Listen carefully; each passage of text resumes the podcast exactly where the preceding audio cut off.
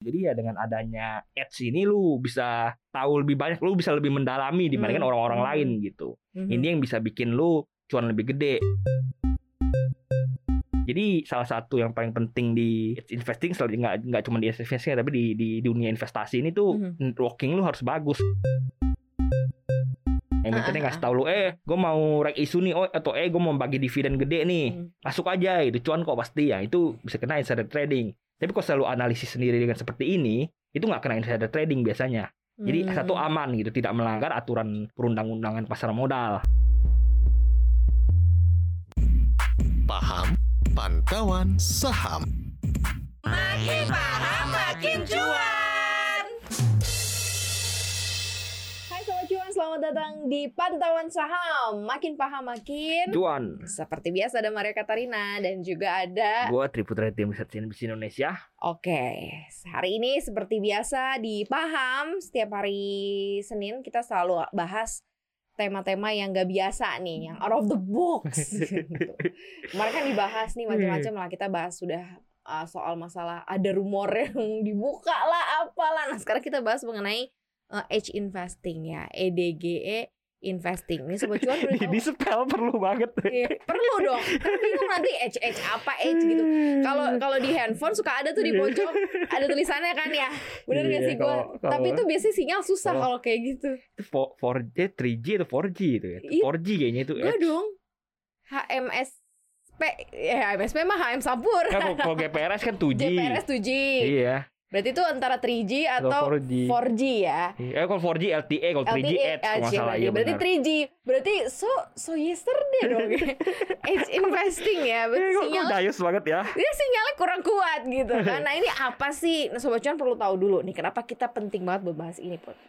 Ya jadi sebenarnya edge investing itu tuh intinya itu adalah lu kalau pengen investasi tuh ada baiknya investasi di bidang yang lu ketahui gitu. Oke. Jadi ini ya quote Warren Buffett juga ngomongnya kayak gitu. Kalau pengen investasi ya investasi beli saham yang tempat lu tahu. Jadi maksudnya tuh kayak gini. Misalnya lu lu kerja di industri obat obat-obatan gitu. Jauh amat contohnya ke industri obat-obatan. Ya, misalnya lu kerja di pabrik obat atau apa gitu. Oke. Kan lu kan lebih mengerti industri itu Di dibanding orang farmasi biasa ya gitu di ya. industri farmasi gitu. Mm-mm. Lu kan lebih mengerti apa lebih mengerti industri itu gitu. Mm-mm. Oh, lu lu jadi tahu misalnya oh ini apa apa, obat-obat-obat di perusahaan ini laku nih, obat-obat Mm. perusahaan ini nggak laku nih, ini perusahaan jelek gitu. Hmm. Ya, jadi lu lebih ngerti oh ini perusahaan ini lagi mau impor obat ini atau lagi Oke. pengen ngembangin obat ini. Jadi lu lu lebih tahu gitu. Ya, lu Jadi lebih- investasinya uh, jadi, jadi lebih apa ya? uh, lo uh, Iya, jadi lu tuh- dalami karena lo ngerti bisnisnya. Jadi lu tuh punya gitu. edge, itu kan kelebihan ya. Jadi lu Oke. punya kelebihan dibandingkan dengan lawan-lawan lu. Jadi apa orang-orang biasa, orang-orang orang-orang lain gitu. Jadi lu punya edge namanya, Mhm. sesuatu yang bisa bikin lu untung. Jadi kan lu punya informasi yang orang lain nggak tahu. belum uh, untung kalau misalnya perusahaannya jelek jadi lu nggak masuk gitu ya. Iya, Keuntungan iya, lu di iya, situ iya. gitu Bahkan kan. kalau di luar negeri lu kalau lihat perusahaan jelek lu bisa short nih. Oh ini Mhm. perusahaan nggak bener nih. Mhm, Nah lu mhm, punya edge yang bagus ya lu short gitu. Lu mhm. short saham itu nanti lu jadi kalau lihat turun lu bisa untung gitu karena lu karena lu, lu tahu menurut Oke. judgement lu ini perusahaan ini nggak bagus kenapa kenapa kenapa karena lu udah bekerja di industri itu. Itu terlalu gitu. dalam banget kita langsung ke perusahaan ya. Berarti untuk sesuatu yang lo tahu. Nah kalau lu nggak tahu, lu jangan coba-coba masuk. Misalnya nih, Iya. belum tahu eh, soal permasalahan pasar modal nih put. Jadi kan secara luas sebenarnya nggak ngerti apaan sih saham. Iya sih makanya mainnya. Nah ini kayak itu kan sebenarnya masih bisa dipelajari kan. iya Bisa makanya dicari tahu maksudnya. ya makanya kalau di edge investing itu kalau emang lu berniat. Berinvestasi dengan cara seperti ini ya Mm-mm. ya sebenarnya lu investasi yang lu tahu-tahu aja gitu. Misalnya ya seperti gue bilang kalau selalu industri ini kalau lu di perbankan misalnya lu tahu oh ini bank ini bagus nih dana Mhm. murahnya banyak lendingnya jalan terus nggak ada yang gagal bayar gitu. Mhm. atau misalnya lu tahu lu kerja di perusahaan ini oh lu tahu kompetitor ini ini ini Mhm, ini ini mhm, itu, itu apa apa lendingnya jelek atau banyak gagal bayarnya bla bla bla bla. Jadi sebenarnya itu tuh edge itu kan kayak kalau bisa berjudi lah biasanya yang paling gampang bisa berjudi lu di kasino kan ada namanya kasino edge ya Mm-mm. Casino Edge itu tuh misalnya lu judi roulette ya roulette yang bola-bola putar itu, diputar-putar iya itu, itu ya. itu kan kalau lu kan bisa pilih merah atau hitam kan Mhm. merah atau Mhm. hitam kan artinya 50-50 dong chance lu, chance lu menang gitu kan Mhm. tapi kan ternyata di bol di di roulette-nya itu tuh ada yang ada ada kolom hijau Oke. kolom hijau itu casino edge-nya gitu jadi ketika dia jatuh ke hijau misalnya orang pilih merah atau orang pilih hitam yang menang kasinonya gitu jadi kemungkinan lu menang ketika pilih merah atau hitam itu nggak 50% tapi 48% gitu ya dua Hmm. persenan itu edge-nya kasino gitu jadi apa pun yang terjadi kasino kan tetap untung 2% setiap lu pasang taruhan gitu. Hmm, dengan kata lain kalau itu dijadikan atau disimilaritikan Iya. dengan kemampuan uh, kita mengenal investasi berarti Ya. kurang lebih kita punya chance Iya, kita punya Menang chance gitu menang ya. lebih gede dibandingkan Oke. dengan orang-orang lain yang tidak punya yang yang ini yang yang di luar-luar yang yang di luar industri ini gitu. Jadi ya dengan adanya ads ini lu bisa bisa tahu lebih banyak, lu bisa lebih mendalami dibandingkan Hmm, orang-orang hmm. lain gitu. Mhm. Ini yang bisa bikin lu cuan lebih gede. Kalau edge gue ternyata karena gue di sekelompok orang-orang eh, insider ya bisa itu kan juga. keuntungan juga. ketahuan kan bisa juga gitu. Contohnya ini lu kerja di media kan lu bisa tahu oh ini media Iya, ini gue ini kenal ini, ini gitu. lu. Enggak, lu kerja di media lu bisa tahu oh media ini bagus nih, banyak yang nonton, ratingnya Oh. tinggi gitu. Nggak menarik kan banyak perusahaan media kan. Iya. Tapi lagi nggak menarik gitu karena yang Ya, menarik ya. tahu kan lebih, dia lebih ngerti kan berarti di situs media oh media lagi nggak menarik kenapa karena ini ini ini gitu. Nah, cara memulainya gimana nih? Berarti kan eh, sobat cuan harus mulai me- apa ya men-screening gitu ya. Oh, gue tuh taunya apa sih gitu. Gue pahamnya apa sih? Kalau misalnya gue paham, gue pengen saham, kira-kira mana sih yang mungkin gue lebih memenangkan gue lah gitu. Hmm. Jalur mana yang, Yang pertama ya kalau lu udah udah kerja ya lu kerja di mana gitu itu paling gampang. lo kerja di bank apa Iya, lu enggak? kerja di bank, ads lu ya. berarti finansial. properti bukan Iya, gitu. kalau lu di, pro, di, di properti, lu misalnya sales properti, oh, lu tahu, oh ini Kalau di perusahaan retail properti apa yang bagus, market- banyak yang laku gitu. Mhm. Pro- Proyek-proyeknya jalan gitu. Mhm. Ya pertama pertanyaannya lu kerja apa dulu. Oke, jawab Tapi- dulu nih sobat cuan lu Tapi kerja apa? yang kedua ini lu nggak harus kerja di sini untuk mengerti itu gitu. Misalnya oh, misalnya lu kerja di perusahaan bank, tapi lu Mhm. suka suka sama sektor properti misalnya, lu suka baca-baca buku-buku tentang properti atau apa tentang properti, jadi lu Mhm. bisa punya ads juga di sini. Jadi ads ini nggak harus dihasilkan dari lu kerja di mana, tapi Mhm. biasanya paling besar emang dihasilkan dari lu kerjaan lu. Gitu. Ya, ya, Karena ya, ya, industri ya. lu, lu kerja di sana bla bla bla udah berapa lama, udah berapa tahun. Ya ini lu jadi lebih mengerti di situ. Mhm. gitu. Padahal sebenarnya edge itu juga eh, lo bisa dapetin juga ketika lingkungan sekitar lo memberikan informasi ya. Misalnya kalau misalnya taruh lo kerja di bank, ternyata temen lo ada yang kerja di properti, Iya. ternyata temen lo ada yang kerja di media gitu Iya. ya kan sebenarnya Nah itu nomor, nomor banyak. tiga itu. Jadi misalnya Mhm. seperti tadi Kak Maria contohkan itu misalnya lu kerja di bank, nasabah lu udah udah hopeng banget nih, temen Mhm. deket gitu. Ternyata dia bos properti Ah, atau bos perkapalan. ah, Jadi bisa yes. cerita ya udah kalau karena lu udah temen lu cerita-cerita sama dia oh ternyata di ini ini ini Mhm. lagi sektor ini lagi bagus nih, perusahaannya ini ini lagi lagi Mhm. bagus gitu, kompetitornya kompetitor kita kita atau apa gitu dia cerita-cerita. Mhm. Itu lu bisa bisa pergunakan gitu. Jadi lu jadi tambahan informasi bagi lu yang orang lain nggak tahu. Kenapa? Karena lu dapatnya dari orang yang yang kerjanya emang di bidang itu gitu. Mhm, mhm. Jadi salah satu yang paling penting di di it's investing selalu nggak nggak cuma di investing tapi di di dunia investasi ini tuh Mhm. networking lu harus bagus gitu. Jadi lu banyak kenalan orang, kenal orang ini ini ini yang kerja di industri ini ini ini ya udah lu ajak apa lu kalau lu bisa ada kesempatan ngobrol sama mereka lu bisa bisa ngambil info suatu informasi yang orang lain nggak tahu gitu dan itu akan jadi edge lu. Hmm, oke. Itu awal mulanya ya untuk lo men-screening. Nah, setelah itu kalau is misalnya kita tahu nih, oh gue punya eh gue kerja di properti, tapi kantor tempat gue kerja nggak nggak oke gitu Hmm. kan.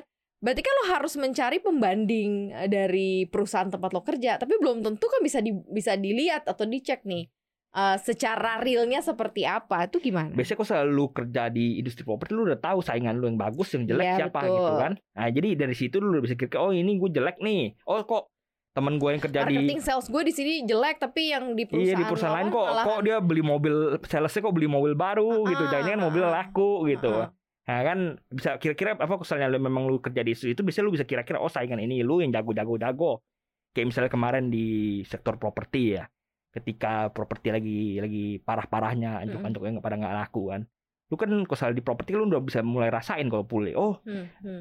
bulan lalu udah tiga bulan empat bulan nggak laku sama sekali nih perumahan eh bulan ini kayak udah Ada. mulai pick up nih udah ada Mm-mm. satu eh bulan Mm. depan udah mulai dua ya udah lu itu bisa jadi edge lu gitu jadi ya ya kita bisa lihat akhirnya saham-saham properti udah mulai nyusul kan nyusul dari parahnya pandemi ketika itu banyak Hmm. banyak perumahan-perumahan yang apa namanya se- ya sektor emiten propertinya yang banyak yang merugi gitu sebagai salah satu ini juga nggak sih kayak eh, apa ya quote and quote tuh kayak sinyal apa sinyal informasi lo bisa masuk duluan Iya. sebelum pasar dan keluar duluan mungkin kalau misalnya mau ada badai iya gitu. dan itu nggak masuk insider trading enaknya gitu nggak ke nggak nggak masuk ya. ya, bukan Nggak bukan ke detect. detect, tapi nggak nggak menyalahi aturan insider trading. Kalau insider trading kan lu dapat informasi dari emitennya misalnya emitennya Ah, ah, ngasih tahu lu eh gue mau rek isu nih oh atau eh gue mau bagi dividen gede nih Hmm. masuk aja itu cuan kok pasti ya itu bisa kena insider trading tapi kalau selalu analisis sendiri dengan seperti ini itu nggak kena insider trading biasanya jadi Hmm. satu aman gitu tidak melanggar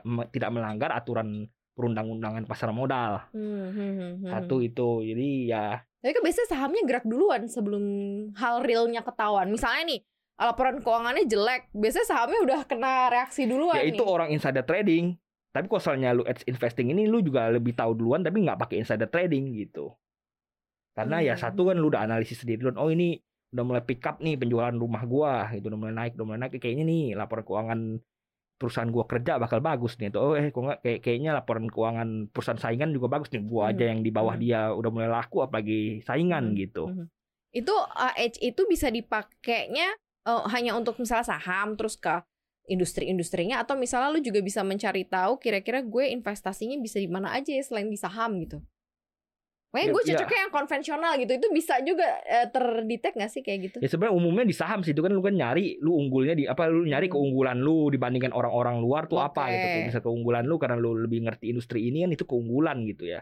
Ya biasanya Hmm. sih di saham gitu. Jadi bukan untuk mendetek ini ya, apa namanya eh, lo orang yang moderat, konvensional, apa risk risk Oh, profile enggak. bukan itu, kalau ya? itu kan lu harus lu lu harus identifikasi dulu di awal. Lu Hmm. identi- ide- identifikasi dulu. Oh, gue pengen masuk segini di saham, segini di deposito atau Hmm. segini di obligasi, segini di money market. Nah, Hmm, dari saham itu yang lu, lu pergunakan nanti edge investing lu gitu. Kalau it's edge investing investing ini digunakan dengan baik oleh sobat cuan, at least minimal berapa persen tingkat keamanan untuk selalu cuan? Ya kalau kalau misalnya lu bilang dengan edge investing ini lu bisa outperform index secara Hmm. apa namanya secara rutin nggak nggak salah juga gitu. Contohnya yang paling gampang. Hmm. Ketika ketika saham misalnya lu kerja di sektor properti, saham-saham properti lagi booming, lu kan bisa masuk duluan. Apa lu bisa masuk duluan ikut cuannya, tapi misalnya udah udah siklusnya udah mulai berubah, lu kan bisa keluar. Oh nih penjualan rumah udah mulai nggak laku, lu keluar Hmm. duluan gitu. Jadi ketika crash ya udah lu nggak kena gitu kan. Biasanya kan sahamnya kan lagging dibandingkan dengan apa du- duluan tapi kan kalau lu kalau lu bisa detect duluan kan Hmm, nggak nggak kena hmm, crashnya hmm, gitu. hmm. Jadi ya ya dengan ini lu lu juga punya keunggulan kan dibandingkan betul, dengan betul, betul. rata-rata retail. Jadi kalau lu ngomong lu bisa outperform indeks ya nggak nggak wajar gitu. Karena lu punya keunggulan dibandingkan dengan pe- peritel-peritel lain dibandingkan Hmm. pemain-pemain lain ya tergantung seberapa besar edge-nya, seberapa besar persen keunggulannya gitu. Setuju sih gue. Daripada sibuk-sibuk misalnya belajar yang ngejelimet ya, misalnya Iya. jadi scalping atau apa gitu yang Iya. benar-benar butuh skill yang kuat ya mendingan lo memang harus mendeteksi dulu nih yang di sekitar lo uh, semua tuh apa gitu ya. Yang paling dekat dengan lo informasinya yang paling ajak, yang paling bisa detail lo dapetin yang mana. Nah, dari situ lo lo bisa menang kurang lebih sekian persen dibanding kompetitor uh, retail-retail yang lain mungkin begitu. Iya. Bro Putra. gitu ya sobat cuan Ini soal edge investing apalagi sih ini kita kasih informasinya buat sobat cuan biar semakin aware dan semakin kenal gitu ya untuk saham-saham yang dimiliki oleh sobat cuan. Thank you banget udah dengerin kita hari ini di Paham. Jangan lupa dengerin kita terus di Spotify, Apple Podcast, Google Podcast, dan juga Anchor. Jangan lupa follow akun Instagram kita di @cuap underscore cuan dan subscribe YouTube channel kita di cuap cuap cuan.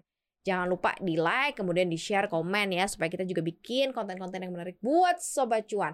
Jangan lupa kita juga tayang di CNBC Indonesia TV. Kami berdua pamit. Bye. Bye bye.